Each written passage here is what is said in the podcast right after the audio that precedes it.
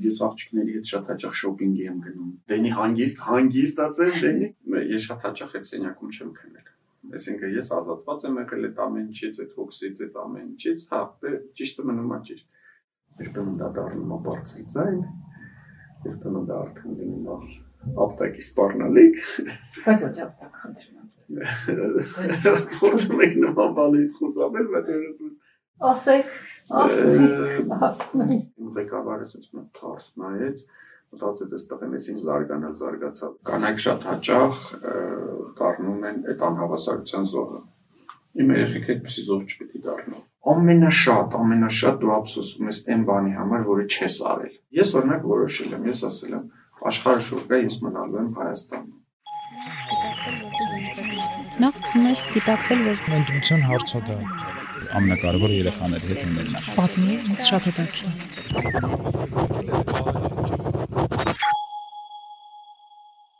Բայջան բայդե։ Ողջույն։ Դուք իմ առաջին հյուրն եք, որի հետ դուք ով եմ խոսելու։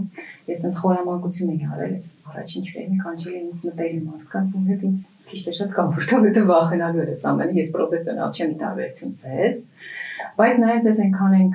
տեսել, լսել, սիրել, իմ մոտ ասում կարող է քեսից դուրի անցնեմ, Ես ուզում եմ հաղորդման վերջում տենց կլինի, հա։ Դա է ուզում ասել։ Շատ հավես։ Բացավաշին հաբես տարիքի հետ սկսել եմ շփոթվել ում հետ դու խոսում ում հետ դուքով։ Առաջ շատ հստակ գիտեի ում հետ դու, ում հետ դուքով հիմա դժվարանում եմ, բայց ձեր դեպքում կա այնքան հարազատություն եւ դա իհարկե այլ դուք աշխարհամիտությունների տեխնացու հուցկաբան, բայց մեզ համար, հասարակ մարդկանց համար, ովքեր չեն առճվել այդ ոլորտների հետ, դուք նասիրի եւ բուժինկոյի պրոդյուսեր եւ բարեկամ այն մարդը, ով բժշկությունը դարձրեց հասանելի սովորական ծնողների համար, սովորական մարդկանց համար, այն հաղորդումը, ամենասիրվածն է, ամենա տարածվածն է, ամենա լայն պոպուլարություն ավայելում համենայնպես բժշկական ոլորտից։ Ես չգիտեմ ուրիշ հաղորդում, որ այդքան հավեսով նստեմ նայեմ։ Լսեմ, դա շատ կարևոր է։ Բայց այսօր դուք այստեղ եք որպես 4 երեխաների՝ Դանիելի, Էլիզայի, Իզաբելայի եւ Լևոնի papa։ Ճիշտ ասացի, չէ՞։ Ճիշտ։ Ու հերթականցն է ճիշտ։ Հերթականցն վերից վար ճիշտ ասացի։ Ասեմ նաեւ ինչու եմ ձեզ կանչել ու ինչ ինչքան ուրախ եմ, որ ձեր խենթ գրաֆիկում ես Կիրակին նվիրել եք մեզ մասամբ։ Ես վերջին երևի մի երկու ամսվա մեջ երկու անգամ ձեզ տեսել եմ ձեր երեք երևի միայն Դանիելը չի եղել ձեր երեք երեխաների հետ ձերքը բռնած, այն որ ձերքը բռնածի տարիք են էլ երեխաները փողոցում խանութ մտնելիս կամ ուղղակի քայլելիս ըստորում դա այգի չէր, զբոսանքի չէր։ Հավանաբար դուք ինչ որ գործով դուրս եք եկել ու երեխաները ձեզ հետ են։ Ես այդ բան չեմ տեսել։ Որ papan վերցնի 3 մանրահասակ երեխա ու գնա օրինակ խանութ կամ գնա ուղղակի ինչ որ մի տեղ փողոցով քայլելիս ու այդտեղ սենց Հեսա, հեսա ես գտնել եմ papayin, ով Different-ing podcast-ում կարա խորը զրույցներ վայ։ Ուզում էի ճշտել նախ անունների հետ կապված։ Իրական շատ հետաքրքիր Դանիել, Լևոն, Իսաբելա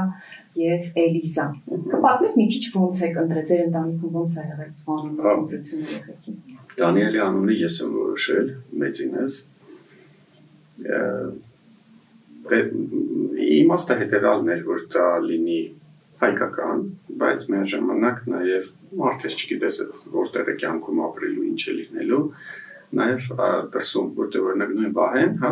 շատ հաճախ այնքան են տանջվում, էլ վեհ են կարծում, էլ ինչը, ինչը ոնց ասես ասում են, ուզում են այնպեսի անուն լինի, որ ընդունված։ Հետո սկսեցի գցել բռնել թե օրինակ Դանիելի անունը քննարկելիս, թե օրինակ ինչ Դանիելներ գիտենք մեր պատմության մեջ ամենահայտնի, ինձ համար ամենահայտնին դա Դանիել Վարուժանն էր ու Դանիել Բեկտիրյոմովը։ Այսինքն զորավարի ու բանաստեղծի արանքում ասի երևի մի հետաքրքիր բան կստացվի։ Ու հա, ու Դանիելը գիտի, որ իր անունը հենց այդ գաղափարով է Գայանեի բակում տարել եմ, ցույց եմ տվել այդ ամեն ինչը։ Վերջը Էլիզայի ժամանակ, երբ որ իմացանք, որ աղջիկ է,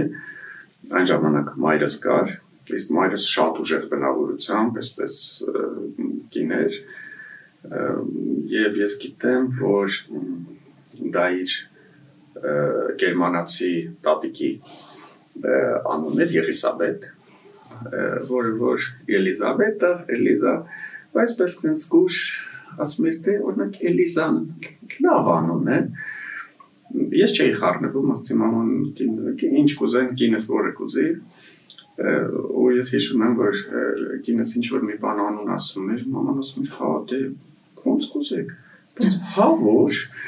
ու երբ որ արդեն երեխայի ծնվելու ժամանակն էր արդեն պիտի ծնվեր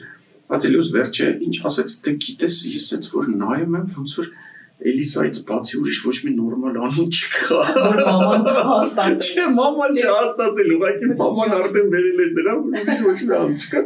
Ու այդպես Էլիզան Էլիզա ծնվեց։ Իզաբելայի ժամանակ արդեն մայրս չկար եւ ես հիշում եմ որ էլի աղջիկ ասենց պլանավորած չէր բայց որ պետք է ծնվեր բելկաս ասի ինչ անենք ասեց լսի ասեց մաման ասեց այդ Էլիզա անունը շատ էր սիրում ու ասեց ուրիշ անուն ոնց որ բան չէ եթե անկեղծ լինենք Էլիզան ու Իզաբելան դա նույն անունն է այո եւ ասցինք լավ այդ մեկն էլ էլի գնաց այդպես չորրորդը արդեն պատերազմից հետո բան որ պիտի ծնվեր Լեոնես նստած էինք ացիլուս ասցին հա այս մեկ արդեն արդեն պիտի նստենք որոշենք վերջապես ինչ ենք տնելու ասեց բայց ինչ կա որոշելու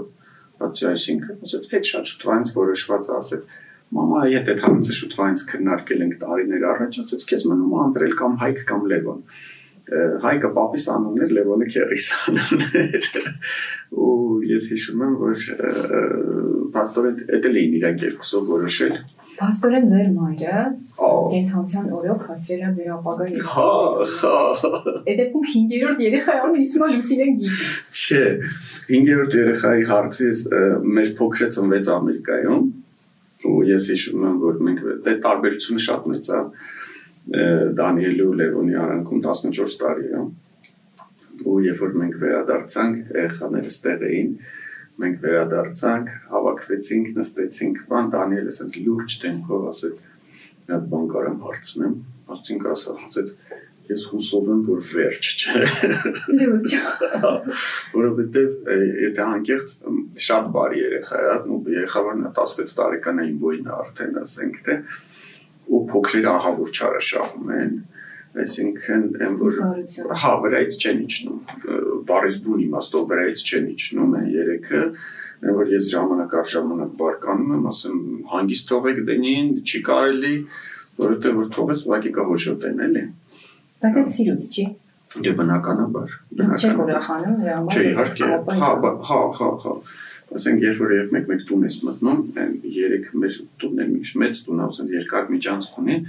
այն երեքը հերվից վար բազելով գալիս են երեքին հերթությամբ կարող ես գրկել համբուրել բան հետևից որ դենինը հանգած վազելով գալի ասում դենի հանգիստ հանգիստացել դենի հա որտեվ եթե ինքը դիրա զանգվածով ու բանով հանգած ինքն է որոշի թռնի գիրկս կարող լավ բան չստացվի բայց ինչքան հավես բան էր այդ կապը իմ երեխաների միջև տարբերությունը 7 տարի է միակ բանն է, որի համար ես ամբողջությամբ փոշմանի։ Իրենք ընդհանուր հետաքրքրություններ չունեն։ Սերը կա, հետաքրքրություններ չկա։ Անկեղծ ասած նկատել եմ, որ հավասար չի, այսինքն մեծ երկուսը իրար հետ շատ ավելի մտերիմ են, փոքր երկուսը իրար հետ ավելի մտերիմ են, դե գալիս է տարիքային բանից, ում հետ ում հետ ավելի հետաքրքիր է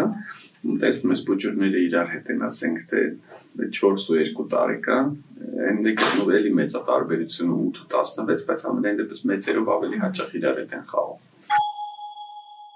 Parenting School-ի առաջին ոդքասթերին ձեր արձագանքը անգին էր մեծ համար։ Մենք մեր հյուրերին ընտրում ենք ձերքով, հատիկ-հատիկ։ Դրանք մարդիկ են ոչ թե որովհետև շատ փորձառու են որպես ծնող կամ կատարյալ են որպես ծնող, այլ մարդիկ են, ովքեր խորն են որպես մարդ եւ իրենք կարող են նաեւ խորը զրույցներ վարել մեզ հետ իրենց երեխաների հետ փորձառությունից։ The parenting-ը, ինչպես գիտեք, Parenting School Armenia-ի, այսինքն Հայաստանում առաջին ու առայժմ միակ ծնողի դպրոցի համեստ ռեսուրսներով ստեղծված մի բան է։ Ծախսերը շատ մեծ են, բոլոր ոդքասթ ծարկողները կարող են դա ապացուցել հիմնավորել եւ մենք երջանիկ կլինենք, եթե դուք նույնպես փոքրիկ ներդրում ունենաք նրանում, որ այս ոդքասթը շարունակվի։ Դա կարող եք անել շատ հեշտ, ամսական փոքրիկ գումար փոխանցելով, իսկ փոխանցումը parenting.am կայքի վերևի կանաչ կոճակով։ Բայջան դուք ոնց նկարագրեցիք։ ինչ ես եմ տեսել փողոցում ուղակի տենց անցնել։ ներգրաված հայր եք եւ ձեր հարցադրություններում եք դրա մասին ասում, որ այո, դուք մասնակցում եք այդ երեխեքի կյանքի։ Ինչքան էլ բազմազբաղ եք։ Ես չգիտեմ կլինիկա երևի մատերի վրա կարելի հաշվել կլինիկա, որտեղ դուք չեք աշխատում, ներգրաված չեք որևէ կերպ հաղորդումները բնականաբար, բայց դուք հասցնում եք ակտիվ հայր լինել, ես ճիշտ եմ։ Եվ այո, եւ ոչ որովհետև իմ հաստատ համոզմամբ ցանկացած երեխա դա երեխա մեծ տարիքում մի քիչ ուրիշ է, բայց երեխան առաջին հետին դա իր մամայի երեխան է։ Ով իրան ինչ ուզում է, ոնց ուզում է երևակայի, իրականում ինչպեսին եղավ մայրը, այնպեսին լինելու են երեխաները։ Եթե մայրը եղավ ուշադիր, եթե մայրը եղավ հետերողական, եթե մայրը զբաղվեց իր երեխաներով, դա կդառնա իդեալական երեխա։ Եթե մայրը չեղավ իր տեղում, հայրը ինչ ուզում անի, դա դա անհնար է։ Եվ իրականում ես շատ-շատ շատ շնորհակալ եմ իմ կնոջը, որ շատ հաճախ իր կարիերայի, իր ժամանակի, իր երազանքների, իր առողջության հաշվին, այո, ինքը դաստիարակում է իմ երեխաներին։ Այս տամենը տեսնում, կապը չասեմ, բայց հաստատ տեսնում եմ ես տեսնում եմ, որովհետև ինքը լինելով շատ խելացի, շատ կրթված, շատ պատրաստված, հա, այն ամեն անգամ, երբ որ սենց նույնպես բժիշկի ասեն կարիերան սենց բարձանում է հասնում է, հոп, գնաց բան։ Ես ինչ հիշում, ինչ որ իրադարձություններ որ լինում է, չգիտեմ, մեր ընկերների հարցը ասենք ասում ենք, չգիտեմ, այս ինչը եփեր, որ թվին ամուսնացան կամ մի րոպե ուզում եմ հիշեմ ում ով է այդ ժամանակը բաժանում է հայության դույս թե այդ պահին ինքը որ մեկով էր հղի ու չէ դե բնականաբար դա անշուշտ ինքնազոհողություն է որովհետև ես երբեք չեմ զգացել որ իմ կարիերան, իմ գործունեությունը դուժի նրանից, որ ես ունեմ 4 երեխա, չէ։ Ես այդ ամենից ազատված եմ եղել, ես այդ ամենից Ես շատ հաճախ հիշում եմ, գիտեք, երբ որ դու օրականում ես 5-6 վիրահատություն, դու պիտի քնես։ Դու դու պիտի ուղակի ասենք թե քնես, եթե դու չքնեցիր գիշերը, դու չես կարող այդ աշխատանքը կատարել ու երբ որ մեր երեխեք էին տարիքի էին որ գիշերը արթնանում, լացա լինում, էս անում, են անում, ես շատ հաճախ այդ սենյակում չեմ քնել Այսինքն ես ազատված եմ եղել այդ ամենից, այդ հոգսից, այդ ամենից, հա, ճիշտը մնում է ճիշտ։ Իսկ այնպես իհարկե փորձում ես հարկեզնից այն ինչ որ ժամանակ անպայմանորեն հատկացնել գոնե գոնե Կիրակի օրերը, գոնե շաբաթվա մի մասը, գոնե երեկոյան, բայց ել եմ ասում, այդ ամեն ինչը շատ հարաբերական է ինչքան հաճելի կլինի լսին լսել ես կատարը։ Ես հիշում եմ Ես ուսորում ինքը չի նայելու։ Չէ, չի նայելու։ Չեն կասկի։ Եվ դա էլ է շատ կարևոր բան։ Այդ գնահատանքը տեսնելը, զգալը, տեսնել, որ համուսինը տեսնում այն հոգացությունը, գնահատում այն ինչ ես անում եմ իր համար, մեր երեխաների համար, որտեղ երեխաները հոմենակություն ունեն Իրականում նաև պիտի կարողանաս հատկացնել ընտանիքի հետ մենակ երեխա մեծացնելը չի դա նախ առաջ երկու մարդու կյանքն է, որոնք որ փորձում են իրենց կյանքը դարձնել այնպեսին, ինչպեսին իրենց ընտրությունն Շատ հաճախ, օրինակ մեր ընկերները, որոնք ունեն մեկ երեխա, երկու երեխա, իրանք ասում են՝ «Ոյ, Իրանի ձեզ, ոյ, սենց վայեն»։ Երբեմն, երբ որ մենք ինչ որ բանից հրաժարվում ենք այս այս ինչ համերգին չգնացինք, այս ինչ թատրոնը չգնացինք, այս ինչ տեղը չգնացինք, որովհետև երեխաներին պահով չկար, չգիտեմ, այն մեկը հիվանդ էր, Դու ասում ես, «Ոայ, Երանի իրանց որ իրենք արդեն կամ քիչ են երեխաները կամ մեծ են արդեն այդ հոգսերից ազատված են։ Դա պետք է մարդու շատ բնորոշ է, որ դու ուզում ես այն ինչ որ դու չունես։ Ամուսինս միշտ ասում բոլոր գանգուր մազունեցողներն ուզում են ուղիղ մազ, բոլոր ուղիղ մազունեցողներն ուզում են գանգուր։ Հիմա հակառակը բոլոր այն մարդիկ որ ունեն շատ երեխաներ գոհեն երջանիկ են դու երեխայից դժգոհ լինել հնարավոր չի, բայց այնուամենայնիվ ինչ մտքիցերով լավ նախանցում են նրանց ում երեխաները քիչ են ու մեծ են եւ որ հակառակը նրանք ովքեր քիչ ունեն աս մահալ նայած մաչորսին իրար կրկած հա չէ։ Այդ նորմալ է։ Հա, իրական։ Բայց ինչպես Հնդկաստանում, հա, մի հատ գովազդ կար սոցիալական, հենց Հնդկաստանում էին կարծեմ իրեն շատ պոպուլար էր մի շրջան, ուրեմն մեքենայով քշում են մեծահարուստ հնդիկներ, մեջը մեկ երեխա, ընդիր պայմաններում ու փողոցի եզրին ընտանիք է 10 երեխայով հատակ նստած բավականին նախքատ ու այս ինչ վիճակ բան վիճակով էլի ցաներ վիճակում ամենը սոցիալական ու այս ղեկին քշող ընտանիքի կինը ամուսին ասում է վայ ինչ ինչ աղքատ ընտանիք են այդ նույն ընտանիքը այդ ժամանակ բիլբորդի վրա տեսնում է տենց սիրուն երկու կին ամուսին եւ մեկ երեխա նայում ինչ աղքատ ընտանիք են թամեն երեխան Գիտեք, դա ապես հասկացա մի քիչ ուրիշ կողմից նայեմ շատ հաճախ երբ մենք խոսում ենք շատ երեխաներ ունենալու մասին, հատկապես այդ պատերազմից հետո այդ թեման շատ էր քննարկվում եւ երբ որ հանգարցիչը տենց մի բան էր գրառում անում, շատ ագրեսիվ մի հատ զանգված կար, որը ասում էր բայ տելեֆոն դու ես բայլու բայ տելեֆոն ինչ որ է պահենք բայ երեխային սեփուն փոքե ու դե սկսում ես մտածել ընդհանրապես աղքատի հարուստի եւ երեխային ապահովելու սահմանների մասին չափանիշների նաեւ աղքատ համարվում անverջ կարելի է փողը շատ երբեք չի լինում հա երբ որ դու ինչ որ բան ասում ես ասում են օ դու ուրեմն բայց մենք չենք կարող քեզպես ասենք թե երեխաներին էս ապահովել են ապա ես միշտ ասում եմ ասում մեր պապերը տատերը հաստատ ասենք թե ճունեին մեր հնարավորությունների 100-րդ թե բայց իրենք իրենց ված չէին զգում որ ունեն մի 7-8 10 երեխա եւ դա նորմալ է համարում հիմա եթե տենց որ վերցնես միշտ լավից լավը կա եւ չպիտի ընկնես նրա այդևից որ օ ինչքան երեխա ունենում պետքան բոլորը պետք է բրենդային չգիտեմ հակոստով լինեն բոլորը պետք է էս լինեն պետք է այն լինեն այն լինեն մի հատ բան կա որի վրա գումար կյանքում չեմ խնայի ու դա ինձ համար դա պրինցիպիալ է ու դրա վրա պիտի ծախսես պարտադիր պիտի ծախսես դա կրթությունն է կրթության վրա ես անգամ երբ որ ինչ-որ մի բան անում ես ընտանեկան բյուջե բանան, ասենք թե ես որ պլանավորում ես, ասեմ չէ նկատի ունեցես, դե չէ ասում ես ինչ մի բան է, որտեղ հա ես անպայմանորեն ամեն ինչ անելու եմ, որ իմ երեխաները սովորեն դրսում, դրսի համասարաններում, որը ինձնից ենթադրելու է հսկայական ծախսեր, ամենից ինձ համար դրանք հսկայական ծախսեր են, բայց ես այդ անելու եմ ամեն ինչից կկտրեմ, այսինքն ինձ համար կարևոր չի թե ես ինչ մեքենա կվարեմ, թե ինչ ասենք, թե հակուստ կկրեմ, չգիտեմ, իմ պարֆյումը կամ կոշիկները ինչ կլինեն, այդ կարևոր չի։ Ինձ համար առաջինը ապահովել երեխաների կրթությունը։ Առողջ լինեն իհարկե, եւ դրանից հետո կրթությունը, որովհետեւ այսօր ամբողջ աշխարհում հաղթում է, իսկ կյանքը դա վերջ-վերջու կռիվ է, եւ այդ կռվում հաղթում է կրթված ամեն դեպս չի կարող կրթվածը միշտ բարթվել, տենց չի կարող։ Կարող է հանգարտ պատահականությամբ անգիրթը հաղթի, բայց դա լինելու ժամանակավոր եւ դա չի։ 100% վերջի վերջո հաղթելու է կրթված մարդը եւ գիտեք ես մեկ-մեկ նայում եմ, տեսնում եմ ու զարմանում ամեն մեկը իր պատկերացումը ունի ամեն մեկ։ Ես հիշում եմ, երբ որ տենց մի հատ տենց մեծ ծախս կատարվեց, Դանիելը գնաց մի տարով դրսում սովորելու բանի ընկերներից մեկ ասեց հալավ ասեց այդքան փողով ասեց չէի կարող այդ երեխան մի հատ չգիտեմ փոքր մի հատ բիզնես կամ ինչ որ մի բան ասում չէ կյանքում իմաստը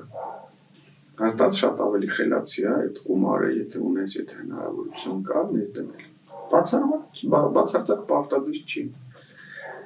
կան հրաշալի երեխեք նույնն էլի գալիս է ընտանիքից որոնք շատ մոտիվացված են, որոնք գնում են սա սովորական դպրոց, շատ սովորական դպրոցից ընդունվում են շատ լավ բարձրակարգ համասարաններ։ Այդ գալիս է ընտանիքից, այդ իհարկե գալիս է նաև երեխայից։ Երբեմն ընտանիքը լավն է դաստիարակություն ունի, երեխան մոտիվացված չի։ Ու գլուխը որ պատին ուզում ես կփի, պետք է նստես, զրուցես, այդպիսի դժվարություններով մենք չի որ չենք անցնում կամ չի լինում, լինում է, լինում Երբեմն դա դառնում է բարձր ձայն, երբեմն դա արդեն լինում է ապտակի սպառնալիք։ Բայց ոչ ապտակ խնդրում եմ։ Փորձում եք նման բաներից խուսափել, բայց երեսուս Իհարկե երեխեքը հասցնում են, իրանք կարողանում են հասնել, կա խոստովանել, որ հա երբեմն շատ։ Բայց վերջի վերջո հասկանում ես, որ մարդուն ուղղակի պետք է պետք է փորձես գտնել շփման բանալի որովհետեւ ինչքան ուզում ես գոռա, ինչքան ուզում ես քեզ պատրի, ինչքան ուզում ես սպառնա, ինչքան ուզում ես պատշիշտ սուպեր վերջը վերջու պիտի ուղղակի կարողանաց երեխայի հետ ընկերություն անել ու գտնել այն ճանապարհը, ճիշտ ճանապարհը, որը կարողանա առաջ գնալ ձեր կրթությանը ավելացնեմ մի բան ընդհանրապես շատ շատ այնս հայտնի խոսք կա, չգիտեմ, երբ սա կնեք, որ երկու բանի վրա մի խնայեք, կրթությունը եւ կոշիկը։ Լավ։ Այդ դեպքում մի հատ կոշիկի հետ լավ պատմություն ունեմ։ Գնացել եմ սովորելու արդեն բժիշկ եմ աշխատում եմ, բայց այն տեխնոլոգիաները, որ ինձ հետաքրքրում են Հայաստանում չկար, նույն կամ այն կարգի չէր եւ նույն այդ լապարասկոպիկ վիրաբուժությունը, բան ես շատ համեստ սովորական ընտանիքից եմ ու ինչ որ ունեմ ես ինքս եմ ստեղծել, ես ինձ ծնողներին շատ շնորհակալ եմ դաստիարակության համար, կրթության համար եւ ու շատ նորմալ է որ իրանք այնպես ֆինանսապես ինձ ինձ տվել են այն բազան, որի վրա արդեն գնա ինքդ կառուցի։ Եվ ես հիշում եմ, որ գնում եմ Ֆրանսիայում սովորելու, ընդ որում այդ ամեն ինչը շատ թանկ էր։ Ամենայնպես այն ժամանակվա համար առավել եւս ինձ համար թանկ էր։ Գիտեք, նաև կա բարոյականության նորմեր։ Ես մարդկանց վրա վիրահատել չեմ սովորել, ես սովորել եմ վիրահատել խոզերի վրա, Եվ ես հիշում եմ մի անգամ շատ ջղայնացա, երբ որ իմ գոլեկաներից մեկը ասաց, գիտես, ես տենց հնարավորություններ չունեի խոզերի վրա վիրահատելու, դրա համար մարդկանց վրա։ Հա, այդ նորմալ չի։ Բայց այդ ամեն խոզի գոճին, որի վրա ասենք վիրահատություն է իրանում, դրա համար է վրա վճարել 450 եվրո։ Իսկ դա ինձ համար ֆանտաստիկ գումար էր։ Ուզում ես օրը 3 հատ բերենք հարց չկա։ Եվ այդ ամեն խոզի գոճուն ենքան ուշփությամբ էացինք դե վերաբերում, հա որովհետև ես հասկանում եի որ հնարավորությունները սահմանափակ են։ Նաև հիվանդանոցում, այսինքն ցերեկը այդ խոզերի վրա, մնացած ժամերին հիվանդանոցում գնում ես նայում ես ոնց են անում եւ անգամ նայելու համար շաբաթական 1000 եվրո արժեր։ Ես չունեի այդ հնարավորությունները եւ գնալուց մի հատ խեղճ կրակոպել ունեի, այդ օպելն էլ վաճառեցի ամեն ինչ, ինչ ունեի, չունեի, դրեցի այդ ամեն ինչի մեջ, որտեղ ես գիտեի, որ դա ինձ պետք է ու պետք է անեմ որովհետև ես ինքս այդ կրթության կարիք ունեի գնում եմ ու անդադ երկարացնում եմ մի շաբաթել մի շաբաթել այսպես շատ կոնկրետ հաշված է ինչքան գումար են վճարում այդ բնական բնակարան ասել է մի հատ երևի մի 10 քառակուսի լիներ չլիներ որ դուրը բացում էր ու գցվում էր անկողնի վրա էլի ինչքան են վճարելու այդ բնակարանին ինձ օրական սննդի համար ինչքան փող է պետքվան խոզի համար հաց լրիվ հաշված այն կոպեկ կոպեկ հաշվածը հասկացա որ մի շաբաթ է լավ էլ կծքեմ հա։ բայց անկեղծելի եմ որ անգամ аэроպորտ գնալու փողն է հաշված ու գնացի վճարեցի դուրս եկա ու միակ կոշիկը որը որ գնացել էի պատրվեց Հիմա պատրվել է Ֆրանսիայում եմ, որ խանութ մտնում ես 50-60 եվրոից պակաս չկա, ես այդ գումարը չունեմ։ Եկա մեր հյուրանոցի այդ ռեսեպշնը, ասացի, ստեղ մի չինական բան խանութ, ասեց, բանի մշտական ունես տրոլեյբուսի, դե տրոլեյբուսով էի գնում գալիս, ասեց, հա։ Ասեց նստում ես գնում ես այն վերջին կանգարը, այնտեղ թեքվում ես աչ, հետո ծաղկ գտնես մի հատ երկու հատ խանութ։ Գնացի այդ երկու խանութը գտա, ու հիշում եմ առա 11 եվրոյով ավելի հետաքրքիր ոչինչ չկար այդպիսի գույների վառ գույների որոնք նաև այդ շնորհոկները կապիչները ասենց վառ գույնս գույն որ քեզ կրկեսի ծաղրացու ես գում բայց դե ճաշ չունեմ հակել եմ դե ասում դե լավ ինձ ով աստեղ ճանաչում բան մյուս օրը գնացի որ մտնում եմ հիվանդանոց իմ ղեկավարը ասենց մոտ թարս նայեց մտածեց այս տղեն էս ինչ զարգանալ զարգացավ էլի մի ամիսած տեղավ մի անգամից արդեն էս sense կոշիկներով հա մազերներ այդ հայացքից ես էլի վատացա բայց ձեն չհանեցի միշտ երբ որ գալիս եմ Հայաստան, ասենք թե հայրիկս անգում եմ, որ ես ինչ ժամանակ հայրիկս մկամ դիմավորեմ, ասում չէ, չէ, կարիք չկա, չեմ սիրում անկեղծ ասած, այդ միակ անգամն էր որ հայրիկս այդ կամ դիմավորած իհարկե արի, որովհետեւ հայրիկս չէ կոշիկի չէ, բայց անգամ փող չունեի, որ ասենք թե Երևանի օտանավակայից հասնեի մեր տուն ու երբ որ եկավ հայրիկս էս մի հատ նայեց ասի կոշիկների մասին բան չասես խնդրում մի բառ եւ ես կպատեմ Հետո եկա պատմեցի, ծիծաղեցինք ագին ուրախացանք, ու ես այդ կոշիկները երկար տարիներ պահում էի։ Իրանք ինձ համար շատ թանկ էին, ես իրանց ջեյտոնում բանան էի, հետո որ տունը փոխում ենք, բանկինս ասեց ուզում ես էլի մնալ, ասի չէ երևի ժամանակն է իրանց հրաժեշտ տալու։ Եվ նաև հիշում եմ, երբ որ հետո տարիներ անց դեպի այնտեղի ղեկավարը եկավ Հայաստան, ստեղ միտեղ ռեստորանում նստածինք ստեղից ընդեղից Ատիլավ մի բան պատմեմ, ես կոշիկի պատմությունը պատմ։ Ատրա ասեց, բա ասեիր, ասում եմ, ես էլ մտածեցի, ինչ ասեիր, ասում եմ, կոշիկ առնեինք քեզ համար։ Բայց հա իրականում Բայց այդ կոշիկը ինձ համար թանկ էր, պատմությունը ինձ համար թանկ է, ինքը ճիշտ պատմություն է։ Ինքը ճիշտ պատմություն է։ Չեք խնայել կրթության վրա, բայց խնայել եք կոշիկի վրա։ Ձեզ Դե հիմա ձեր Deep Parenting podcast-ի գործընկերն է Libra հոգեբանական աջակցության կենտրոնը։ Կենտրոնը գտնվում է Երևանի Կոմիտաս 12 հասցեում։ Հոգեբանական աջակցության ծառայությունները տրամադրվում են ինչպես արկա այս կենտրոնում, այնպես էլ առցանց։ Հոգեբանական ծառայություններին դիմելը վերջին շրջանում վերջին տարիներին դարձել է բավականին պոպուլյար, ինչը բնականաբար հոգեբանների համար ողջունելի է։ Պարզապես միշտ հիշեք, որ հոգեբան մասնագետին դիմելուց անպայման պետք է ճշտեք նրա բարձրագույն մասնագիտական կրթության արկայությունը, մշտապես վերապատրաստվելու եւ ինքնակատարելագործվելու ցանկությունը եւ իհարկե սուպերվիզորի հետ աշխատանքը։ Միայն այդ դեպքում կարող եք ձեր հոգեկան առողջությունը վստահել հոգեբան մասնագետներին։ Վայջան, անդադ ուզում եմ հարցնեմ ամեն դեպքում լինելով ներգրաված հայր, ոչ թե հայր, որը ուղակի հանձնել է երեխեքին մորը ու հիանում ոնց է մայրը դաստիարակում, այլ ամեն դեպքում ներգրաված հայր։ Դուք հոր կամ առանցրեք ծնողի որ տեսակն եք, որը կույշ սիրով, անվերապահ, այն ինքնամոռաց, անznուրած, նվիրված սիրում է երեխաներին, թե ով հարգում է այդ երեխաներին, տեսնում է նրանց մեջ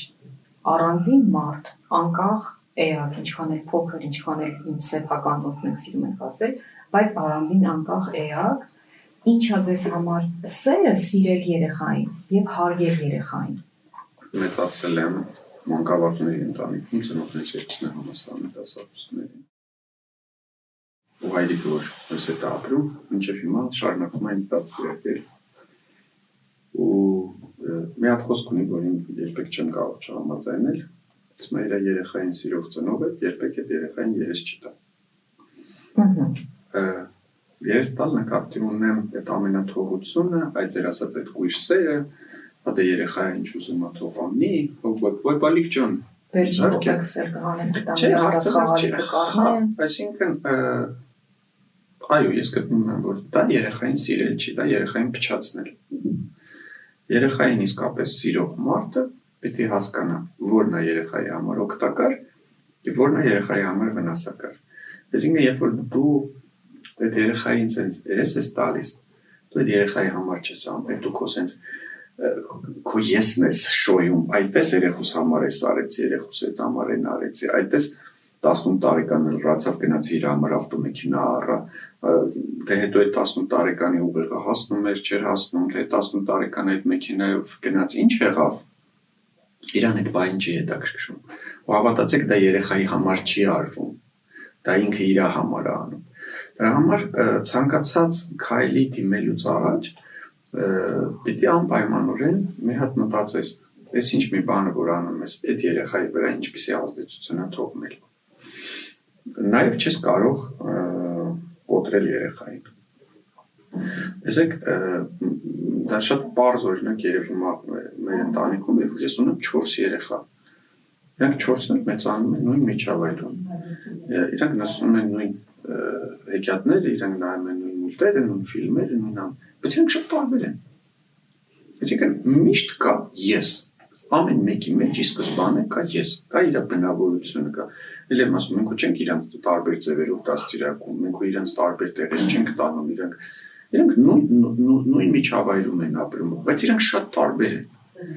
Պիտի ընդունես այդ երեխային, պիտի հասկանաս, եւ պիտի այդ երեխայի մեջ քեզ ման չգաս։ Ես հիշում եմ Դենիի հետ այդպես մի հատ սխալ ունեի թույլ տված։ Ահա, այս է ակշեն սխալ։ Հասարակ բան, չի, չի, չի, այդպես մարդկային բան։ Իմ մանկության տարիներին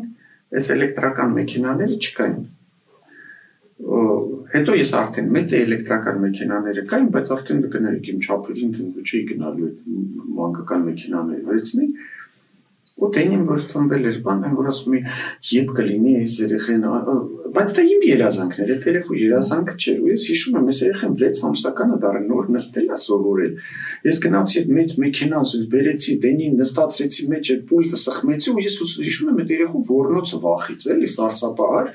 ու ես հասկացա, որ ես հիմարություն եմ անում որովհետեւ 6 ամսական երեխային այդ մեքենան հեչ հետաքրքիր չէր Ուրեմն սկսեցի մտածել թե ինչի՞ եմ ես այդ մեքենան առել, ինչի՞ եմ բերել 6 ամսական երեխային ուզում որ ինքը նստի մեջ ու այդ մեքենան քշի։ Ես հասկացա որ դա մանկության իմ իմ երազանքն է, չկատարված երազանքն է։ Շատ են գանում։ Ինքան հետաքրքիր է, ինքը շատ մարդկային է մի կողմից։ Ոնց որ Մհեր Մկրտչյանը չէ որ հեծանի վեր գնել իրեն կարծեմ։ Տարիներ հետո, երբ որ արդեն ինքը գումար ուներ, իսկ մանկուց այդ հեծանիներ նայել խանութում, կարծեմ մեծ տարիքում միացել ու հեծանվը գնել էր մի կողմից շատ մարդկային է, որ այն ինչի մենք չենք հասել, այն ինչի մենք չենք ունեցել, մենք ուզում ենք անկեղծորեն, խորապես, որ մեր երեխեքն ունենան, վայելեն, բայց մյուս կողմից դա միշտ պատմություն է մեր մասին, դա իրանց պատմությունը չի ու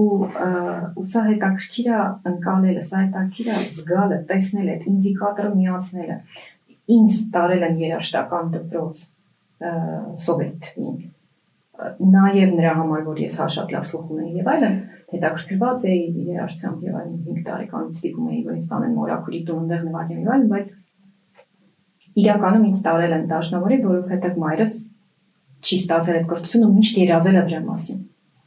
Ու ես ադում եմ դաշնավորի ունենալով բոլոր ծառայությունները։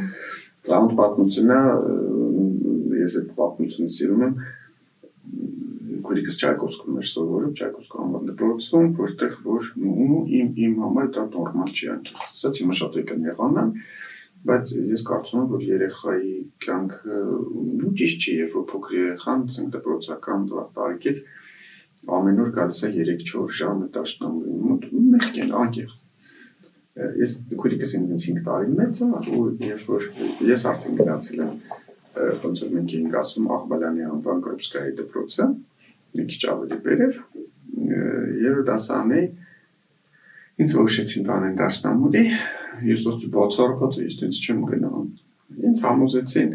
մենք մաման ասեց օրը մի 15 րոպե էլի ոչ ավել քոնը սիրողական բան հացի լավ 15 րոպե կարելի է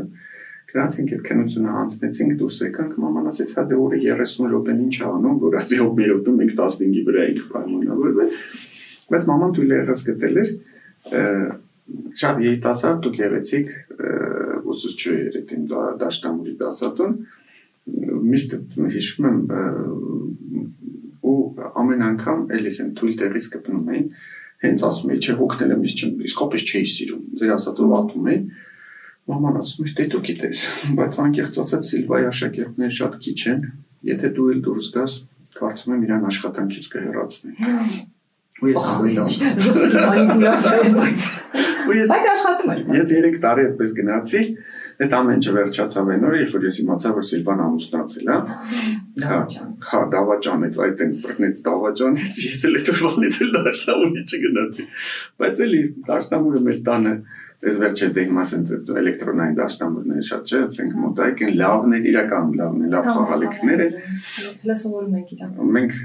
մի տարի առաջ առել ենք դաշնամուրը առել եմ դրել եմ ու մենք հələ թափ ենք հավաքում, որ դաշնամուրի գնանք, որտեղ իսկապես ենք անծանրաբեռնված են, որ Դաշնամուրը առնել բարել եմ, բայց այ որ ժամանակն էլ կարողանանք ազատ գտնենք երեխեքին, որ կարողանան զբաղվել։ Շատ ծանրաբեռնված եմ, ես փոքրից տվեցի, մեծից տվեցի դաշնամուրի գնաց 2 տարի ու հանեցի, որովհետև այդ Իրանը չէր, անկեղծ Իրանը չէր։ Փոքրից 4 տարի գնաց դաշնամուրի, այս տարի տարեկետուն ձևակերպեցինք, որովհետև մամի տարիքային փուլ որտեղ արդեն ինքներն են իրեն հետաքրիր եւ այլն ու այսպես մնաց։ Բայց լավ բան է, Նաև բժշկական տեսակետից կարող եմ ասել, որ լավ։ Հիմա անել եմ չգիտեմ, ճիշտ եմ արել թե չէ։ Անկեղծ պիտի խոսել։ Հələ ասենց մի տարի ասեցինք վեր չհանենք, որտեղ տվյալները լավն են, ինքը սիրում է այդ ամեն ինչը եւ այլն, բայց չի ուզում ստիպեի, որտեղ ես դրա միջով անցել եմ։ Ես չի ուզում ինքը իմ նման ստիպելով գնայի 7 տարի։ Ստիպելով ոչինչ չես կարող, պետք է համոզելով լինի։ Էլի ձեր այդ պատմությունն եմ, ես փոքր ժամանակ երկու սպորտացելով եմ զբաղվել, մեկը լողներ, մեկը մեծ տենիսը ընդ որում լողի գնացել եմ շատ փոքր հասակից 4 տարեկանից հիշում եմ որ այդ մարշ կողքի նաև հայրիկներ հիմա դուք ասում եք լավ հայր կամ զբաղվող բան դե, ինչ տեսել ես Այսինքն եմ ոնց որ հայրիկի ավտոմեքենայում կարելի էր երևի մի, մի շաբաթ ապրել էլի, որովհետև այնտեղ ամեն ինչ կար էլի, որ որ ցակից ինչ ասես դուս կգար։ Այն հին սովետական մեքենաներից, բայց ամեն դեպքում ինչ ասես մեջ կար։ Եվ հիշում եմ ոնց էր մեզ տանում լողի, ոնց էր էս 10-ից այն 10-ը ստեղից այն դեպքում։ Եվ հիշում եմ որ մարշչին հավասար, որտեղ գնացինք որ լողի ընդունվենք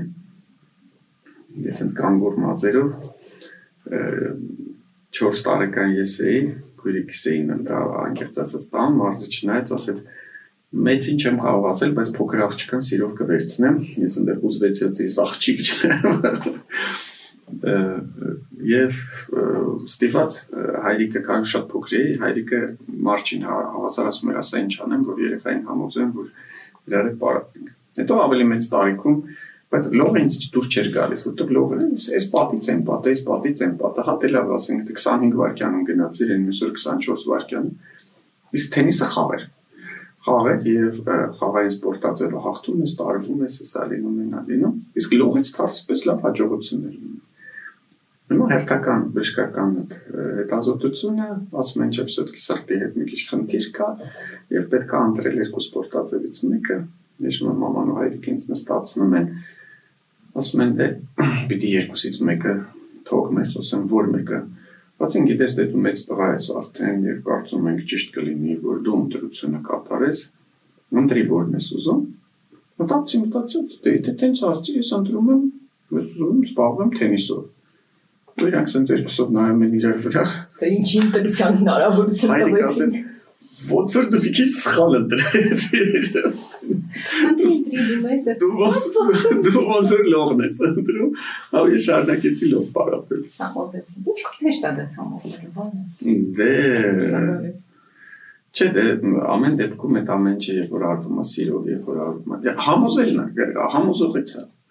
Վերջը վերջը չկա այդպեսի մարդ, որին դու ինչ որ բան չկարողանաս համոզել։ Մեծ լինի, փոքր լինի։ Այդ էր 4 երեխեքին։ Ինչ տարբերություն։ Հեշտ իրանց համոզում։ Մեկին գուցե հեշտ, մեկին գուցե քիչ առիթներ լինում են, թե այդպես տալիս է կնտության հնարավորություն, եւ հետո չեք ասում, որ իրանք սխալ են։ Ասում մեծ մոտ բան դեմոկրատիա, համան ոնց ասում, այդպես է կանում։ Չէ, իրականում պիտի կարողանաս, օրինակ հասարակ բան Պատկերացեք երեխան է 16 տարեկան, 8 տարեկան, 4 տարեկան, 2 տարեկան։ Հիմա Կիրակի օրը առավոտ արթնացել ենք, օրակ առավոտվանից այդ բանն է, բանակցություններն են, թե այսօր ուր ենք գնալու։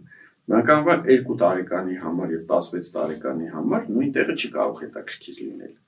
Հիմա դու է փորձես համոզես, որ այս X տեղը, որ բոլորով գնանք, ինքը երևի ամենահարմարն է, ամենալավն է,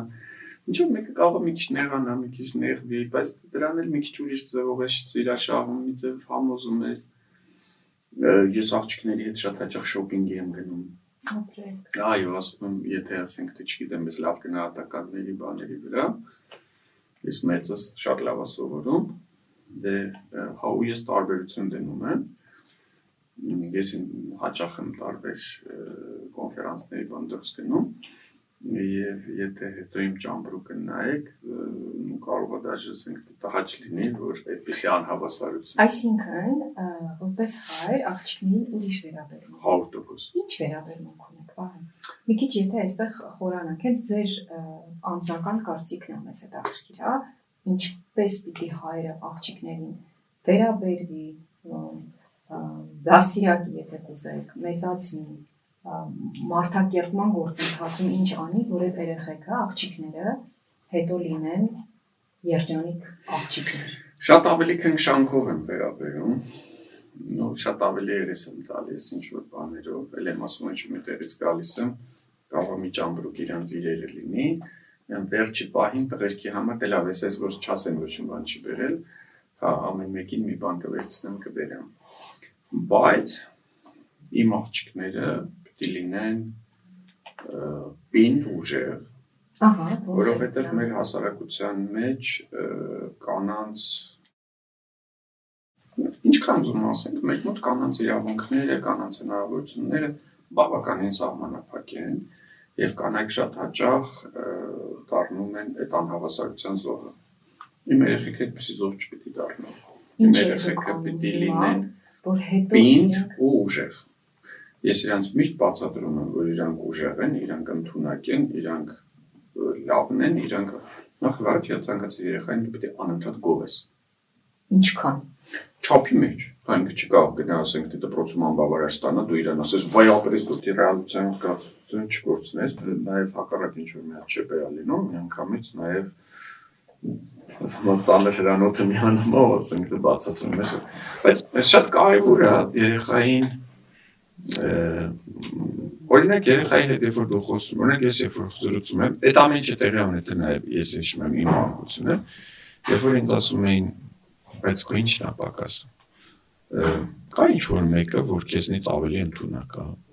Կա ինչ որ քեզ խանգարող ինչ որ մի բան, կա ինչ որ չէ, չէ, չէ, չէ, չէ։ Եվ ինչն է քեզ խանգարում լինել առաջինը։ Գիտեք, այդ առաջինը լինելու բաներ կա, որ մանկությունից է գալի ու մեջը տպավորվում ամբողջ կյանքում։ Ես փոքր էի, երևի այդ որ ասում եմ 4-5 տարեկան է ինձ տարան լողի, ես իմ մարզչի դեմքը չեմ հիշում։ Անկեղծ չեմ Դե հիշում։ դժվար է 4-5 Հա։ տարեկան հիշել։ Ը, Բայց ես հիշում եմ իր հետ զրույցը։ Ես իր հետ, ես չգիտեմ, այդ մարդը կա, չկա, հա դրանից անցել է 40 տարի։ Ես հիշում եմ, որ մի անգամ ինչ որ լկստվեցի, տենց ինչ որ չենթարկվեցի դասի ժամանակ, հա դե փոքր էի, բան։ Ինքը ինձ նստացրեց, ասեց՝ «Արի զրուցենք»։ 4 տարեկան երեխան նստացրեց, ասեց՝ «Արի զրուցենք», ում ասենց լուրջ դեմքով։ Ես զրույցը հիշում եմ, բայց ես իր դեմքը չեմ հիշում։ Ասեց՝ «Գիտես», ասեց, «Կյանքը շատ հետաքրքիր բան է» պարապում են միլիոնները, չեմպիոն դառնում է մեկը։ Ասեց ընտրի դու ինչ ես ուզում լինել։ 40 տարի անցել, բայց ես դրանով ամբողջ կյանքս եմ անցել, որովհետև այդ մի հատ խոսքը իմ մոտ մնացել է։ Ես այդ մարդուն եթե անգամ ինքը կա, չգիտեմ, Աստված տա որ լինի, ես փողոցում տեսնեմ կողքով կանցնեմ, ես իրեն չեմ ճանաչի, բայց այդ միտքը մնաց ու այդ միտքը ես նաև փորձում եմ ներարկել իմ երեխաներին որ ահա այս կյանքում պետքա լինել հաջողակ։ Ես չեմ ասում լինես մարդակեր, ես չեմ ասում լինես անազնիվ, ես չեմ ասում տարբեր մեծ, չգիտեմ, բոլորի գլխի վրայով անցնես, չէ։ Բայց երջանիկ լինելու համար պետք է միշտ լինել հաջողակ, վահե։ Չէ որ դա մի հատ գոնկա բառը հա ռուսերեն մի հատ մրցավազք է երեխու մոտ սկսվում։ Ու ստրեսը, երբ որ իրանք առաջինը չեն, բավականին մեծ կլինի այդ դեպքում։ Հələ որ ստացվում է։ ա, Այդպես մոտիվացնում եք այսինքն։ Ես իրանց մոտիվացնում եմ ու ասենք թե ստացվում է, չենք դժգոհում ու ես հետաքրքիր բան կար էլի Էլիզաս հիմնական այդ թեմաների մեջ մի անգամ կինս ասեց, գիտես ասեց հետաքրքիր երեխա ինչ որ բաններ, հետո շուրեր եկել ասել էր առանձին մամային ասել էր ոնց ասել էր ես լինեմ վահեի աղջիկ ու ասենք թե բան չանեմ, չհասնեմ, ը, Դուք իր համար ուրեմն մեծ հեղինակ։ որովհետև հա նաև դա ասենք թե տեսնում են որ մարդիկ Հա։ քեզ ճանաչում են գիտեն բան եւ հետաքրքիր է որ այդ տարիքում 7-8 տարեկանում ինքը արդեն սկսել էր այդ անցալել որ իրա վրա որոշակի նաև պատասխանատվություն կա որ հա ինքը այս ընտանիքից է ու ուրեմն դա իր հետևից բերում է որոշակի պատասխանատվություն Ես դեմ չեմ։ Ես ամեն ձևով խրախուսում եմ, բայց հա, նաև չի կարելի երեխային ասենք թե գցել են կատոկի տակ ու ասենք թե պահանջել, պահանջել, պահանջել, չէ, չի կարելի, որովհետև վերջի վերջո մարդը նաև մանկություն պիտի ունենա, մարդը պիտի խաղա, մարդը պիտի վայելի, չէ, ամեն ինչի իր տեղն ու ձևը ունի։ Չափի մեջ, ոսկե միջինը։ Հա, հա, հա։ Որտեվ իրոք շատ զբաղված են այսօրվա երեխեքը։ Դուք դրանից էլ խոսեցիք, որ չեն բա- երբ արանք գտնենք, որ դաշնամուրի էլ տանք, էլի փորձում ենք սենց մաքսիմալը տալ, որտեվ դրա հնարավորություններ այսօր կա առաջ չկար, բայց միևնույն ժամանակ այնքան բանա նուրբ է այդ սահմանը խլել իրանցից մանկությունը կամ այդ մրցավազքի մեջ անverջ կորցնել ուղակի parzapes երջանիկ լինելու այդ parz երջանկության Դե բանը։ կան տարական կանոններ, հա, տարական կանոններ կան ցանկացած հոգեբան գիտի դրա մասին, որ երեխային պետք է ջերմություն։ Այդ երեխային պետք է գրկես, համբուրես, ես իմ բնավորությամբ կնեք բան մի քիչ խոզ մարդ եմ էլի ես երբեք ես չեմ չէ ես շատ հաճախ ասենք թե ինձ ինչ տարածք բաղում ինչ որ չափ կա որից ենքով երբեք շատ քիչ մարդու եմ ներս թողնում բայց միաժամանակ ես գիտեմ որ ասենք թե այն էմոցիաները են, բան, որ ես իմ երեխաների հետ կիսվում եմ, ես իրանց բոլորին ամեն օր գրկում եմ, ես իրանց բոլորին համբուրում եմ, ես իրանց բոլորին երեխան դա սիրում է, երեխան դա գնահատում է, երեխան դա զգում է։ Ցանկացած երեխայի պարտադիր պիտի գրկես, համբուրես, սիրես, ասես ինքը ինչքան լավն է, ինչքան դա պարտադիր է ու ես նաև այդ ամեն ինչը գալիս է համ զգացողական ֆոնի վրա, համ շատ հաճախ նաև դա հասկանալով եմ անում, որովհետև սիրում եմ կարդալ, սիրում գիտեմ թե երեխայի հետ ոնց պիտի մարդը վարվի։ Մենակ բնազդային է, չէ՞։ Չէ, բնազդայինը չի, չէ, չէ, ուսումնասիրում եմ, գիտեմ, որովհետև գիտեք, շատ տարօրինակ է։ Մարդիկ մեքենա են առնում, դնում են սկսում են YouTube-ով բան կամ գիրքը կարդալ այդ մեքենայի հետ ոնց պիտի վարվի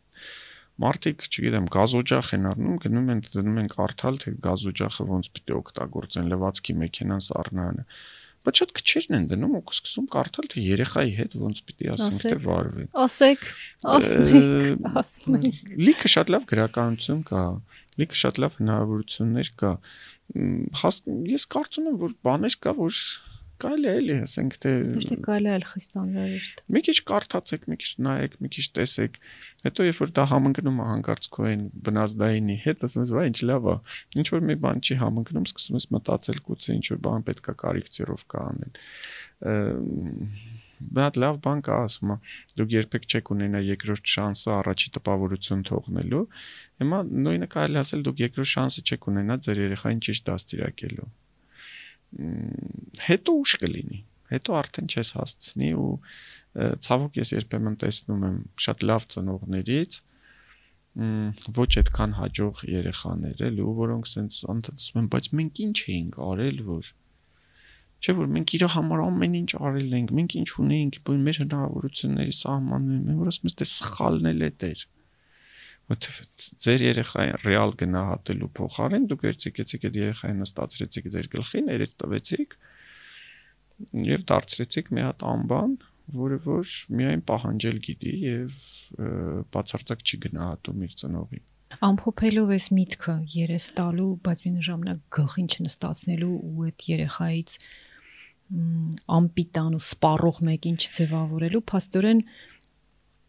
ամեն ինչը ոսկե միջինի մեջ եւ այո պետքա երես տալ այո պետքա նվիրվել բայց այո անպայման պետքա տալ սեր ու ջերմություն բայց միևնույն ժամանակ հանկարծ չկորցնել նպատակը կապը կապը երեխայի հետ կապը մի փորձ երբեք չկորցնեք կորցրեցիք այդ չի վերականգնվի այդ նաև ես չեմ ասում երեխային տնից անդադ բացը դու այդես ես քեզ համար էս չէ առևտուր չի իմ երեխաները մամայի երևի սովորացրած դա դա արդեն բնավորություն է բայց դա մտածելակերպ է էլի ինչ որ մի բան որ անում ես իրանք սովորություն ունեն իրանք ասում են շնորհակալություն ու ասենք ես նկատել եմ ասենք խանութ ենք մտնում իսկ մենք սիրում ենք sense մտնել խանութում ինչքան աղբկա առնել հավաքել հա ասենք դու կարող դու իրենց համար մի հատ ծամոն առնես կամ մի հատ կոնֆետ առնես ու երբ որ այդ կասայի մոտ իրանք տենց շնորհակալություն հայրիկ, շնորհակալություն, ասենք դու papayin ասում, շնորհակալություն papa։ Ոնց աշխատողները հալավ մի հատ կոնֆետեր առել էլի, ասենք դե հարցը կոնֆետը չի։ Բնավ, բնավ։ Հարցը այն է, որ երեխայից սովորացնես, հա, դրա մեջ, հա, որ ինքը նկատում հայտնի։ Դա լավ բան է։ Դա արտակարգ բան է։ Դա ինչի որ այ ես իմ երեխեքին այնքան վատ եմ պահում, որ իրանք մի հատ կոնֆետ առնելուց ինձ պետք է շնորհակալություն ասեն։ Չէ, Չէ։ Դա այնա որ պապ անկեղծ մերսի, ուղղակի շնորհակալ եմ որ հա։ արեցի։ Նախ նկատեցի, երկրորդը քեզ չեմ հա։ ամաչում ասեմ Հա, շնորհակալ։ պետք չի ամաչել։ Պետք չի ամաչել ու ընդհանրապես կապեր կան, այդ մանկության կապերը, այդ բանը, դրանք լրիվ ուրիշ են։ Իմ լավագույն ընկերները դրանք իմ դպրոցական ընկերներն են, այսինքն այն մարդիկ են, որոնց հետ ես 6 տարեկանից եմ ընկերություն։ Ձեր մանկության վկաները։ Հա, որոնք գիտեն իմ գաղտնիքները, որոնք գիտեն, ասենք, թե բան, այն մի անգամ ասցին, մի անգամ տենց զրույցի ժամանակ ասցին, ինչն ես ամենաշատ կյանքում կարոտում։ ասի ամենաշատ մտածեցի, մտածեցի ու հիմա փողակի sense հիշում եմ արդեն, ասի կարոտում եմ այն մարդկանց, որոնք ինձ հետ վահիկով են խոսում որովհետև հա հիմա դու էս էս են էս քեզ այդ անուն հայրանունով կամ ազգանունով են խոսում բան իսկ վահիկով խոսող մարդիկ ահա ինչ որ մեկը չի կարա հիմա գա ինձ այդ ծանոթանալ ու սկսի ինձ վահիկով դիմել այդ մարդիկ ամեն տարվա հետ ավելի ու ավելի քչանում են ու իրանց ամեն մեկը իր հետ տանում է իմ կյանքի մի մասը, իմ հիշողությունները, իմ մանկությունը, իմ էսը, իմ են, հա։ Ու այդ մարդիկ քեզ համար ամենաթանկն են եւ նույն երեխայի համար ինքը ձևավորվում է փոքր տարիքում պետք չի սпасել որ ինքը դառնա այկը մեծանա հետո իրան էս կսովորացնենք ենք այկը մեծանա կսկսի դե հիմա ինքը փոքր է չի հասկանում ոչինչ հիմա թող ինչ ուզում անի հետո կմեծանա չկա տենց բան չկա տենց մի օր չից չես զարթնում ասում Սեբալիկ ջան այսօր զարթես տենց պետք է լինես այսօր վայնց քեզ սկսում ենք դաստիարակել տենց չի լինում վայ ջան դուք նաեւ շատ ակտիվ Հայաստանի Հանրապետության քաղաքացի եք։ Ես միշտ շատ հաճույքով եմ կարդում այն ինչ դուք գրում եք, ոչ թե հաճույքով, որովհետև դուք միշտ պուպուշ փայլուն ականջահաճո բաներ եք գրում, այլ որովհետև դուք սթափ գնահատում եք ինչ կա ու չեք վախենում դրա մասին ասել։ Իսկ ինչ կա։ Կա մի իրավիճակ, երբ էլի հետ գալով մեր հիմնական թեմային, հա, եւ մենք չգիտենք մեր երեխաների վաղվա օրվա վաղվա օր ու ճունենք այդ վստահությունը։ Դա մի սարսափելի բան է, երբ դու ունես երեխաներ, ձեր դեպքում դրանք 4-ն են, հələ մեկինը մեկն է, երկուսն է, ու դու չգիտես ուր ես տանում։ Առաջ գիտեինք, մի տեսակ առաջ բոլորս ամեն ինչ կարծես պլանավորած ունեինք։ Շատ ուզում եմ ձեզ ձեր կարծիքը լսեմ, ինչ եք դուք անում, ո՞նց եք դուք անում այս տոտալ անորոշության պայմաններում ինչ որ ձևով կանխատեսելի դարձնել մեր մեր բոլորի երեխաների, ոչ միայն մեր անձնական։ Մեր երեխաների ապագան։ Այստեղ գալիս է գլոբալ խնդիրները եւ գլոբալ խնդիրներից ամենա կարևորը դա նա է, որ մենք ունենք անկիրթ հասարակություն։ Ես չեմ ուզում գնանք նախկիններ, ներկաներ, էս էս էս էս, այդ ամեն ինչ արդեն ինձ բացարձակ չի հետաքրքրում։ Ինձ հետաքրքրում է այն, որ ստացվել է այնպես,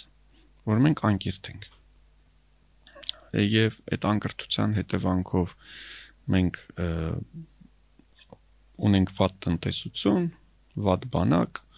որովհետեւ հա, երբ որ դե եթե դու լինեիր կրթված, եթե դու ունենայիր բարձր տեխնոլոգիաներ, եթե դու ունենայիր այդ ամեն ինչը իրար հետևից գալու էր որտեղ մեր համասարանները ասենք թե երազում են հայտնվել լավագույն 1000-ի ցուցակում, այսինքն դա այսօր երազանքների թվին է պատկանում, այսինքն մենք անկիրթ ենք։ Թե ինչի է այդպես ստացվել, չեմ ուզում, ելի եմ ասում, չեմ ուզում դա քննարկեմ,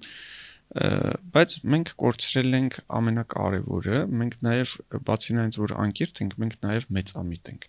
մենք նաև չենք հասկանում, չենք ուզում մարդնչող տգիտության նման մի բան է։ Ես հիշում եմ մի հատ հետազոտություն էր արել միջազգային կառույցներից մեկը, որը որ տալիս էր, որ Հայաստանի բնակչության մոտ 70%-ը աղքատության, հա, մեջ ապրում եւ հետո երկրորդ հարցը ինչ որ հնչել էր ապրոս էին արել, հարցում էին արել, իսկ արդյոք դուք ձեզ աղքատ համարում եք ու այնտեղ ընդամենը 14 թե քանի տոկոսներ, այսինքն մենք անգամ չենք էլ հասկանում դա։ Մենք հասանք մի իրականության, երբ որ մարդկանց մի հատ զգալի մասը, ասենք թե կյանքի, չգիտեմ, քանի տոկոսը անցկացնում լիստեի մեջ, որը մտածում է, չգիտեմ, ուրիշի խփած ջարդած մեքենան բերի սարքի 10 տարվա, հա, կարևորը որ ինչ որ ակերը սևացնի, ու իքը իրան արդեն երջանիկ ասկում։ Այտենց էս պետությունը գնալով ավելի ու ավելի կդեգրադացվի, այնց էս պետությունը գնալով ավելի կկորցնի Հիմա գալիս ենք այն մասին, որ ինչ է իրենց ներկայացնում մտավորականը եւ ինչ դեր ունի ինքը։ Առաջի տարբերակը, երբ որ դու ասում ես, գիտես, ես բժիշկ եմ, Ժորժ ջան, դե ես ոչ քաղաքական գործիչ եմ, ոչ ես եմ, ոչ են եմ, ոչ են եմ։ Եղբայր, ես իմ գործը անում եմ, ես դες բոլորիդ պատշաճ մակարդակով բուժում եմ։ Հիմա դե ես ինչ մեղք ունեմ, որ 4 կոմս այս վիճակն է։ Տարբերակ կա, տարբերակ կա, երբ որ դու տեսնում ես, դու հասկանում ես, որ գնալով է դեգրադացիան խորանում է, ասում ես, դե չէ, հիմա որ սենց է, սենց է, դու քո երեխեքին տալիս ես քո հնարավորություններով լավ կրթություն, ու ասում ես երեխեք ջան, գնացեք ստեղ ապագա չկա, ստեղ ստեղ տարբերակ չկա, այսինքն այդ մարտնչող տգիտության դեմ դուք եք մեղք, ձեր կյանքն էլ է ափսոս, ձեր երիտասարդությունն էլ է ափսոս, բայց եք մարդը մի անգամ ապրում։ Տարբերակ համար 2 դու փորձում ես ինչ-որ մի բան փոխել դու փորձում ես լինելով լավ բժիշկ, լինելով լավ մասնագետ, հա, չունենալով որ երեխաները չունենալով չունենալով ոչ մի ասենք թե չգիտեմ, ինչ որ պաշտոն զբաղեցնելու ցանկություն, ինչ որ մեկի վրա ինչ որ իշխանություն ունենալու բան, անկեղծ ասեմ, ես ունեցել եմ նման առաջարկներ, որոնք բոլորը մերժել եմ, ասենք թե չունեմ, ինձ պետք չի դա, հա, այսինքն ես ունեմ իմ սիրած աշխատանքը, ես ունեմ ինձ դուրա գալիս այն ինչ որ ես զբաղվում եմ, դա դա է իմը Եվ այդ պարագայում միանշանակ դու հասկանում ես, որ դու թիրախավորվելու ես, այդ նշանակում է, որ քո մասին լիքը վատ բաներ են ասելու, այդ նշանակում է, որ դու ձեռք ես բերելու այս կամ այն աճճանի, ասենք թե ճշնամիներ, բայց գիշերը կարող է մի օր մի քիչ ավելի լավ քնես, որովհետև եթե անգամ չհաջողես, դու իմանաս, որ դու քեզնից հասնողը արեցիր։ Գոնե չես փոշմանին դրա համար ինչ չես արել։ Որովհետև այո, մարդիկ սովորաբար գիտեք շատ ասում եմ իզուր էս բանը արեցի, իզուր չէ՞, մենք բոլորս ունենք սխալներ կյանքում։ Բայց ես հասկացել եմ մի բան, որ ամենաշատ, ամենաշատ դու ափսոսում ես այն բանի համար, որը չես արել։ Անկամ ամենամեծ սխալը արել եմ, լավ եմ արել, փորձել եմ, չի ստացվել բայց բաներ կան կյանքում որոնց մասին այդ մենակ ես գիտեմ որը ես ոչ մեկի հետ երբեք չեմ կիսվի որոնք ես իսկապես ափսոսում եմ այն քայլերի համար որոնք որ ես չեմ արել գուցե համարցակությունս չի հերիքել գուցե խելքս չի հերիքել բայց ափսոսում ես այն ինչ որ չարեցիր հիմա ես չեմ ուզում ափսոսամ դրա համար Ես ինձնից հասնող է իմ ձևով, իմ մտածելակերպով, առանց որևէ մեկին նեղացնելու, առանց որևէ մեկից ինձ ավելի խելոք կարծելու, ես փորձում եմ այս երկրում ինչ որ մի բան իմ պատկերացրածի սահմաններում փոխել։ Կլինի ընդունելի շատ մեծ սիրով, չի լինի ընդունելի աստված ձեզ հետ։ Բա երեխաներին ինչ անեն դες ամենի։ Երեխաները կմեծանան, երեխաները իրենք կորոշեն։ Երեխաները իրենք որոշեն փրկել իրենց, այլ ուղակի անենք այն ինչ մեզանից էս պահին հասնում է մնացածը։ Սպասեք։ Հիմա եկեք տեսեք հասարակ բան, երբ որ մենք խոսում ենք անկրթության մասին, առաջին բանը կրթությունը որ դե, դա, հա, ընտանիքը շատ մեծ բան ունի, բայց առաջի հերթին դա դպրոցն է դա մանկապարտեզն է, դա դպրոցն է։ Ես ես շատ հաճախ ամաչում եմ, ես ինձ վատ եմ զգում նրա համար, որ իմ երեխաները ինչ որ տեղերում հավասարաչափ հնարավորությունների մեջ չեն ուրիշների հետ։ Պարզա դու մտածում ես առաջի հերթին քո ընտանիքի մասին։ Հիմա ես մեղավոր չեմ, որ իմ երեխան գնում է մասնավոր մանկապարտեզ, որտեղ իրան շատ լավ դաստիարակում են, շատ լավ կրթություն են տալի։ Ես մեղավոր չեմ, որ իմ երեխան գնում է մասնավոր դպրոց, որտեղ ես տեսնում եմ, որ ինքը ստանում է իմ ուզած կրթությունը, բայց ես երևի թե մեղավոր եմ, որ իմ հարևանի կամ իմ կողքինի երեխան չի ստանում նույնպեսի հնարավորություն։ Եվ մենք պիտի ձգտենք այնպես անել, որ նրանք էլ ունենան կրթության առնվազն հնարավորություն։ Դե հիմա ասենք թե դե հիմա էլ եմ ասում, եթե ես հիմա ասեմ դե չէ իմ հարևանի երեխան չի կարող գնալ մասնավոր լավ դպրոց իմ երեխային է հանեմ չէ ճիշտ չի բայց եթե ես փորձեմ այս երկիրը նենց փոխեմ, որ մեր դպրոցները այդպիսի ահռելի տարբերություն չունենան, մենք բոլորը սիրով տանենք սովորական դպրոց։ Թող սովորական դպրոցը, ես ի վերջո սովորել եմ սովորական դպրոցում եւ հավատացեք ստացել եմ շատ լավ կրթություն, հա, ես սովորել եմ Կրոպսկայա անվան դպրոցում, որը տալիս էր հրաշալի շատ լավ կրթություն։ Այսօր ես իմ երեխուն չեմ տարել Կրոպսկայա անվան դպրոց, հա, Աղբալյանի անվան դպրոց, որովհետեւ ինքը այն չի, որտեվ այսօր կան մասնավոր դպրոցներ, որոնք ավելի լավն են, բայց այդ մասնավոր դպրոցներում ես մի անգամ փորձեցի հաշվել, երևի այդ sense որ հա բոլորս անունները գիտենք, չէ, ասենք թե նույն Շիրակացին անուն, Քվանտնա, էս այնա, ասենք որ գումարային վերցնես, երևի սովորում է մեր երեխաների մաքսիմում մաքսիմում 5%-ը։ Բայց 95%-ը։ Այն 95%-ը էլի գալու է բավականին վատ կրթությամբ ու ինչա ստեղծվելու, ինչա լինելու, հա, 5 կրթված, 95 թերի կրթված։ Ինչա ստացվելու կամ այն 5%-ը թողնելու է գնա ու այս երկիրը մնա այդ մակարդակին, որ այդ վիդեոները որ գցում են դպրոցում էլ երեխային խփել, էլ չգիտեմ, ուսուցիչների հետ շփվում ես տարիներ առաջ հայրիկս աշխատում էր բանում ուսուցիչների կատարելագործման ինստիտուտում եւ իրենք նաեւ պարտավոր էին գնալ շրջաններում դասախոսություններ կարդալ ու ես հիշում եմ մի անգամ շատ ջղայնացած բարկացած եկել իսկ հայրիկն էլ իր գործը շատ սիրում է որ սկսում է իր գրականությունից խոսել ասեն ժամերով կարող է խոսի եւ հիշում եմ որ եկել էր մի անգամ Գեղարքունիքի մարզեր գնացել ջղայնացած շատ բան ծանր բարերով Հացի ինչ ա եղել, ասեց դե դասախոսությունը կարդացի, կարդացի բան, հետո ասում հավաքել են հայոց լեզվի գրականության ուսուցիչներին, եւ ասում ասենց խլրտոց եմ լսում, ասի ինչ որ հարց կա, ուսուցիչներից մեկը, որ մեջն է ամենատարիքովն էր, բան ասաց, այո, պարոն Տերմինասյան, այստեղ հարց ունենք, ուզում ենք քննարկենք, բան ձեր կարծիքն ենք ուզում իմանանք հայրիկը դե բնականաբար իր ձևով այո իհարկե խնդրեմ բան պատկերացնում եմ այդ պատկերը եւ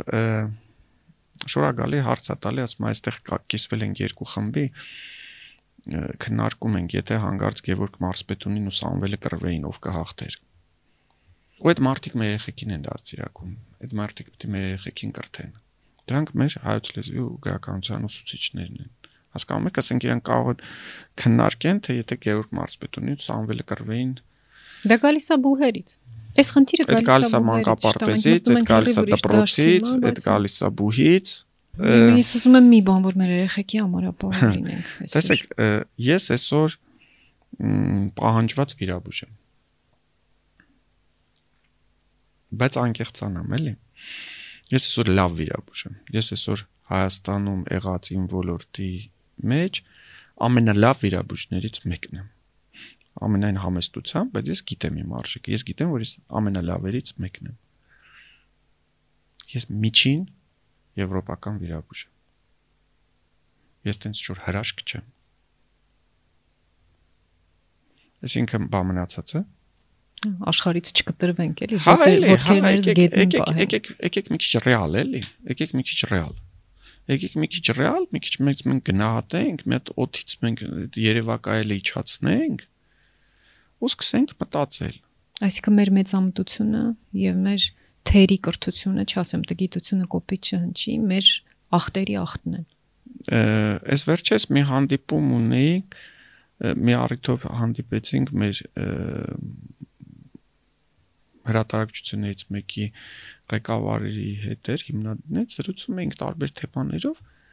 հատ սարսափելի թիվ ասեց եթե չեմ սխալվում հա համեմատ ինչ որ Վրաստանի մասին խոսք եղավ ասեց մի համեմատվեք եթե չեմ սխալվում թվերը հետեւյալն էին ասեց Վրաստանում միջինը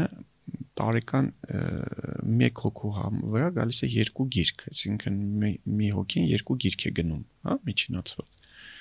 Հայաստանում 8 հոգուն գալիս է 1 գիրք։ Գիտեք, չի կարող գիրք չկարդացող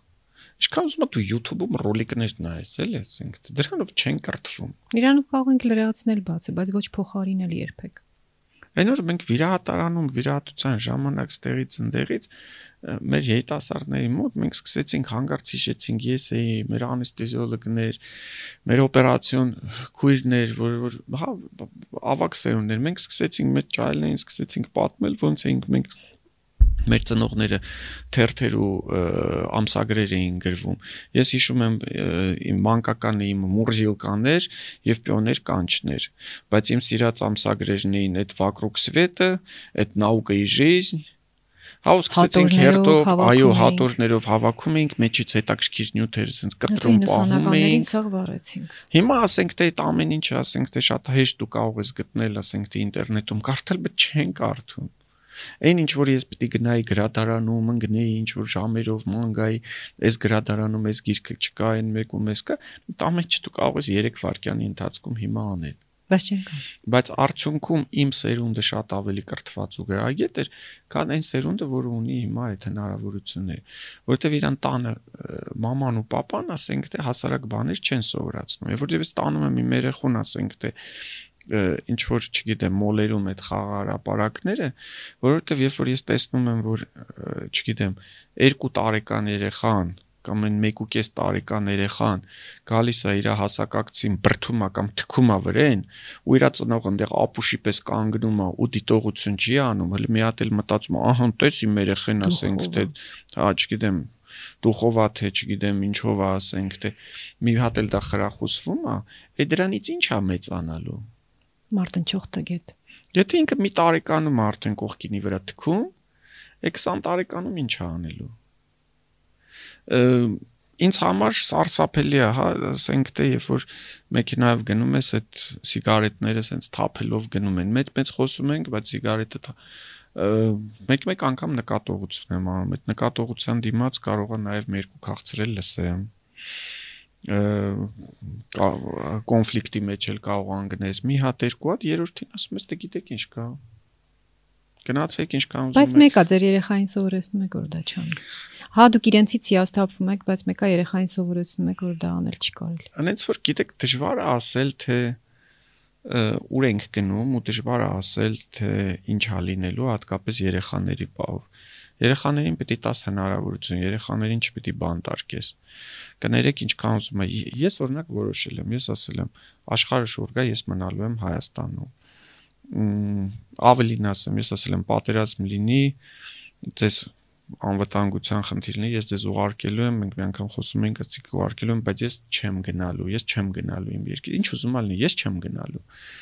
բայց նաև ես կարծում եմ, որ այս ժամ այս դարում, այս ժամանակահատվածներում չի նաև սխալ է ասել, գիտես ինչ կա, այ դու ծնվել ես Հայաստանում, ուրեմն դու պետք է, չգիտեմ, սաղ կյանքդ ապրես ու մեռնես Հայաստանում, չէ։ Դու դաստիարակի, դու դուր հնարավորությունները, դու դուր շանսը, թող ինքը դրանից հետո կընտրի։ Եթե իմ երեխաները կընտրեն լավ կրթություն ստանալուց հետո կընտրեն իրենց կյանքը Հայաստանում, դա կլինի ինձ համար մեծագույն երջանկություն։ Կստանան լավ կրթություն ու իրենց կյանքը կգտնեն աշխարհի այլ երկրներում, դա ինձ համար կլինի գուցե ներքուս ցավ, բայց ես դրա հետ կհամակերպվեմ, որովհետև դա իրանց կյանքն է բայց ես շատ ու շատ շատ շատ երջանիկ կլինեմ, եթե իմ երեխաները գնան, դրսում սովորեն, դառնան լավ մասնագետներ ու մի օր sense սիրուն բոլորով ասենք 4-ն էլ հետո Հայաստանում ապրեն։ Դա ինձ համար կլինի իդեալական տարբերակ։ Շնորհակալ եմ անկեղծ։ Ձեզ շնորհակալություն։ Վահե Տերմինացյանի հետ զրույցը շատ հարուստ եղավ։ Հիմա մտքիս հազար մի բան է գալիս, փորձում եմ ամփոփել, չգիտեմ ինչից սկսել, որոշեցի ասել այն ինչ ինձ ամենաշատը տպավորեց, ինչի մասին խոսեցինք ամենասկզբում շատ հուզիչ էր ու ուղակի հիանալի։ Այն գնահատականը, որ Վահեն տվեց իր կնոջ արած աշխատանքի համար։ Այո, 4 երեխա մեծացնելը հեշտ չի, անգամ մեկին մեծացնելը երբեմն հեշտ չի լինում։ Այո, papaները միշտ չի որ կարողանում են ներգրաված լինել այն չափով, այն որակով, որը որ ենք ուզում են, բայց չնկատել այն ներդրումը, հենց ներդրումը, որ մամաներն ունենում են երեխաների մեջ, ուղակի անհնարին է եւ Վահեն դա շատ գեղեցիկ ներկայացրեց։ Ես անպայման հուսով եմ, որ իր կինը Լուսինեն նույնպես դա գնահատեց եւ շատ հուսով եմ, որ այս տեսանյութը օգտակար կլինի ձեզ համար նաեւ այդ տեսանկյունից եւ կխնդրեմ, որ մաքսիմալ տարածեք, լայքեք, շեյրեք տեսանյութը, որpիսի մյուս պապաներին այն նույնպես հասանելի լինի, որովհետեւ գուցե ինչ որ մեկին այս ինսայթը հիմա շատ պետք է։